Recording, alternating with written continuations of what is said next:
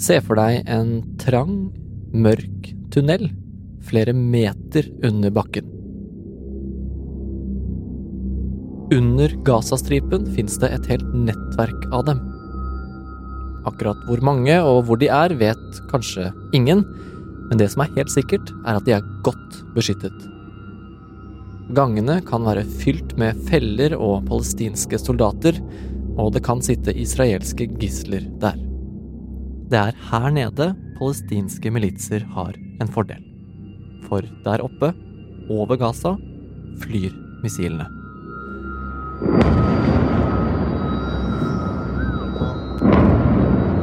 Et av dem traff denne uka et sykehus hvor mange sivile skal ha blitt drept eller såret. Ja Allah! Ja Allah! Ja Allah! Hvem sto bak? Du hører på Forklart, en nyhetspodkast fra Aftenposten. I dag om sykehuseksplosjonen i Gaza, og om hvordan palestinske militser bruker sitt kanskje farligste våpen tunneler. Det er fredag 20. oktober, og jeg heter David Bekoni.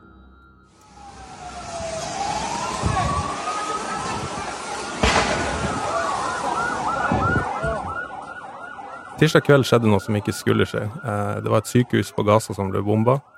Eh, Mange sivile ble meldt døde. Eh, Hele den vestlige verdenspressen eh, meldte ganske raskt at det var et israelsk luftangrep som var årsaken. Og så viste det seg ganske snart at det ikke nødvendigvis var sant.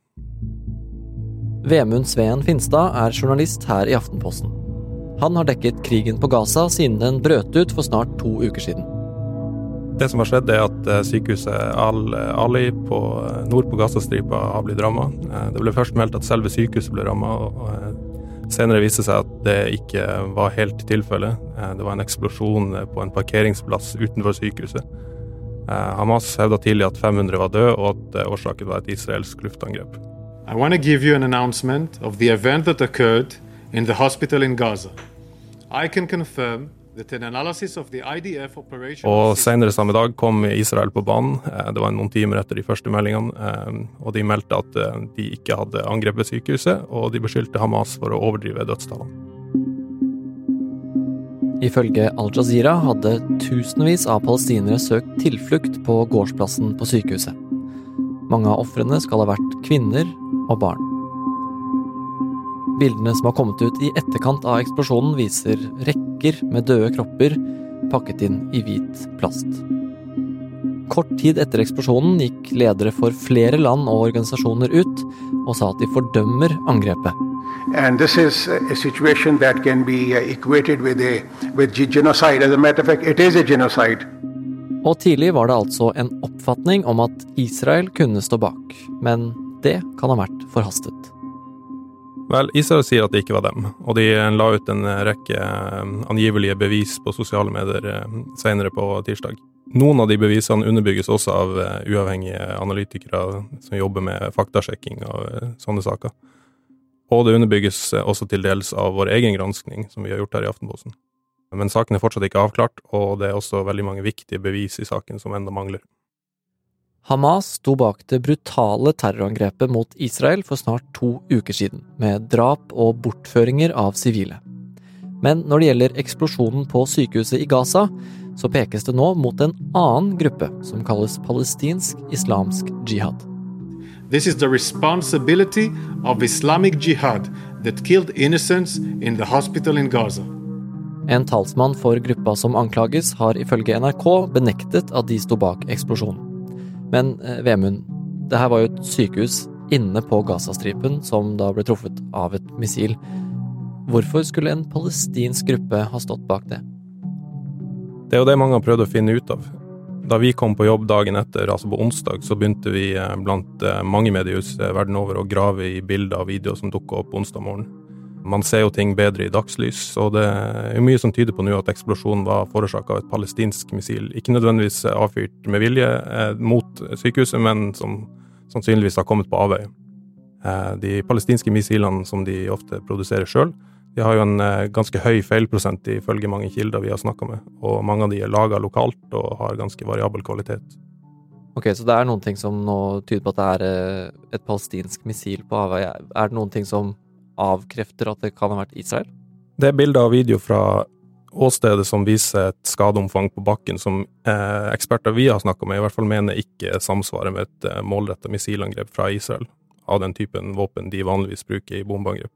En verifisert video som vi har eh, funnet fram, eh, viser et missil også som eh, tilsynelatende feiler i lufta og senere eksploderer, og så virker det som det lander på bakken og skaper den eksplosjonen da, som vi har sett mange bilder av. Flere uavhengige analytikere i tillegg til oss, eh, mediehus, norske militæreksperter og også statlige etterretningsorganisasjoner har også kommet til at det er sannsynligvis ikke Israel som står bak angrepet. Sykehuseksplosjonen i Gaza er bare ett av mange tilfeller der sivile liv har gått tapt de siste ukene. Mens bombene regner over Gaza og sivile palestinere frykter en mulig bakkeinvasjon, så er noen av de som faktisk kriger, i trange tunneler under byen. For palestinske militser har en helt spesiell måte å føre krig på. Det israelske soldater kaller Gaza Metro.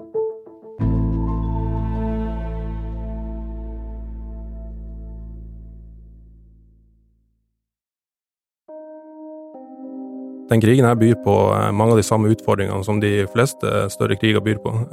Det er veldig vanskelig for eh, journalister å få uavhengig tilgang til kilder. Mange snakker om den såkalte krigståka, og den ligger tett også i Gaza-Israel-krigen.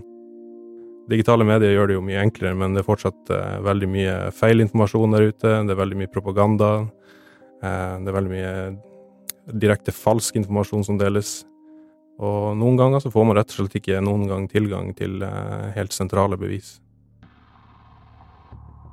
Uansett hva det var som forårsaket eksplosjonen ved sykehuset nå, så er én ting sikkert. De som bor på Gaza, lever under en konstant trussel om at noe skal falle fra himmelen og eksplodere. Selv om flere tusen sivile er drept, så sier israelerne at målet med bombingen deres er å ødelegge den militære evnen til Hamas. Men den islamistiske gruppen har også et svar på bombingen. Israel er et uh, veldig mye mer uh, militært mektig land enn palestinske uh, militser. På en vanlig slagmark, som man kan tenke seg en typisk andre verdenskrig-slagmark, så ville Israel ha fullstendig knust palestinerne hver eneste gang. Men de spiller med de kortene de har. De har tilpassa seg sitt miljø. De opererer ut fra et geografisk sett veldig lite, tett urbanisert område. Så etter år med konflikt med Israel, så har de lært seg hva som fungerer for de, da. Hva som gir de en kjempende sjanse i krigen, rett og slett. Og det er en type krigføring som er veldig annerledes fra den typen krigføring vi vanligvis ser fra vestlige land, som Israel og USA. Det kan nemlig virke som at Hamas har perfeksjonert kunsten det er å bygge underjordiske tunneler for krigføring de siste årene. Tunnelene blir kalt for Gazas farligste strategiske våpen. Tunnelene er bygd i stein og betong, og også naturlig hulrom under Gazastripa. Og i utgangspunktet så ble de bygd for smugling. Eh, første tunnelen ble vel oppdaga i Israel på 1980-tallet. Men eksperter på feltet sier at de tunnelene i dag brukes til alt fra militære kommandosentraler til eh, rakettangrep mot Israel. De brukes også som fluktruter og lager, kan brukes som overnatting, bomberom og sikkert mye mer.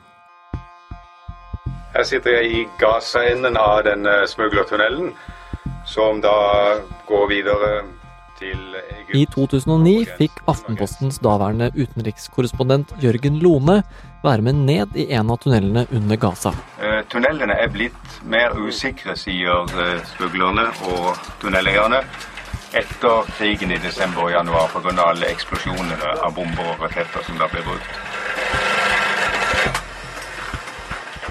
Påstås her at 150 mennesker har omkommet pga. at tunneler har rast sammen. I videoen han tok under jorda, blir det tydelig hvor mørkt og klaustrofobisk det kan være i tunnelene. Siden da har antagelig mange nye tunneler blitt bygget. De er jo bygd ut over veldig mange år. De tunnelene som går over grensa til Israel, eh, er blitt referert til som terrortunneler. Israel kaller dem det fordi tunnelene gjør at palestinske soldater kan dukke opp utenfor Gaza og utføre angrep i Israel. En palestinsk militærekspert som har forsket på dette, sier at helt siden Hamas kom til makten i Gaza i 2007, så har de utviklet en tunnelstrategi i krig. Og forrige gang israelske styrker gikk inn i Gaza, i 2014, så viste disse tunnelene seg å gi palestinske militser flere fordeler. For ute i det åpne, altså på bakken, så har jo Israel et klart militært overtak. De har en massiv luftmakt, og de har mekaniserte landstyrker som eh, palestinerne ikke kan konkurrere med. Men tunnelene gjorde det mulig for palestinske militser å gjemme seg. De kunne gjennomføre bakholdsangrep, og de tiltrakk også israelske styrker til eh, feller som var satt opp i forbindelse med tunnelinnganger og den slags. Så psykologisk har jo også tunnelene en ganske stor effekt på israelske styrker. Eh, rett og slett fordi eh, de da går med tanken om at potensielle terrorister og motstandere kan dukke opp nær sagt hvor som helst, når som helst. Så totalt sett så ga en eh, tunnelstrategi eh, palestinerne mulighet til å beskytte egne tropper og også kontre den militære overlegenheten som israelerne har. Og i en for Israel veldig kostbar krig, både politisk, økonomisk og omdømmemessig, så er jo evnen palestinerne da har fått til å holde ut og ivareta sine kommandostrukturer og kampevne helt essensielt. De opprinnelige smuglertunnelene har utviklet seg til et stort nettverk av tunneler på kryss og tvers under Gaza. De israelske styrkene kaller det for Gaza Metro og flere av gislene som ble tatt av Hamas i Israel sist lørdag, holdes trolig der, ifølge eksperter. Så hvordan skal Israel møte fienden inni en tunnel? Vi kjenner jo ikke alle detaljene knytta til det, men eh, at det er veldig vanskelig, er jo garantert en underdrivelse. Det er selvfølgelig topptrente soldater som eventuelt vil eh, gå inn i de tunnelene ved bakkeinvasjon. Eh, men de må hanskes med det faktum at veldig mange av tunnelene ikke er kjent for. Eh, det er trolig ingen som vet nøyaktig hvor alle tunnelene på Gazastripa går, eller hvor mange det er som finnes. Og det er på tross av at Israel har investert store ressurser i, å, i teknologi som skal kunne oppdage tunnel, tunneler som de kan nøytralisere.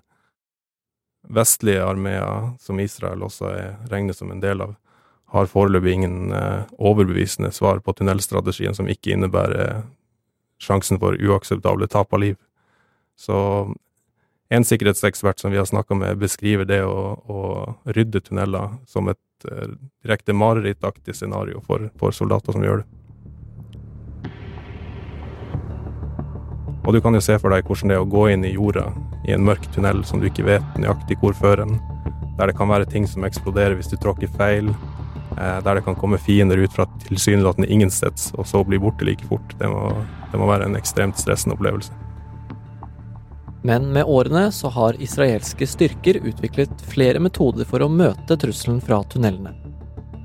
Blant annet bruker de en egen type bomber som er laget for å ødelegge bunkere og underjordiske mål. Det kommer imidlertid med stor risiko for tap av sivile liv, også blant israelske gisler som kan være i tunnelene.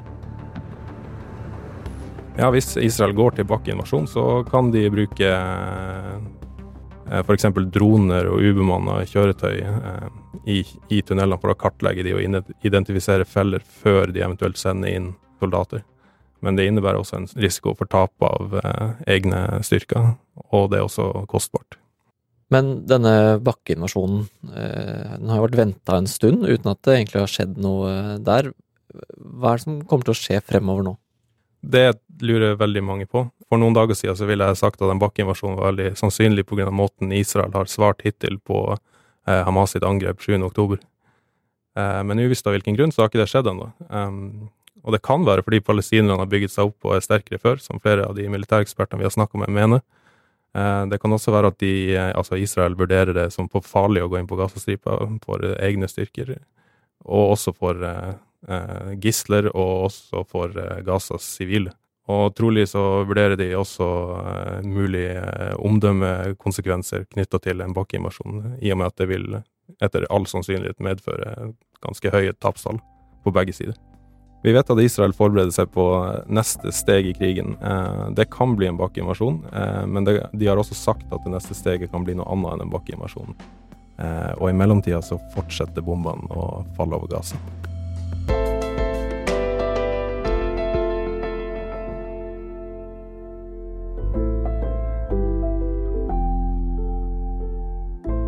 Du har hørt en podkast fra Aftenposten.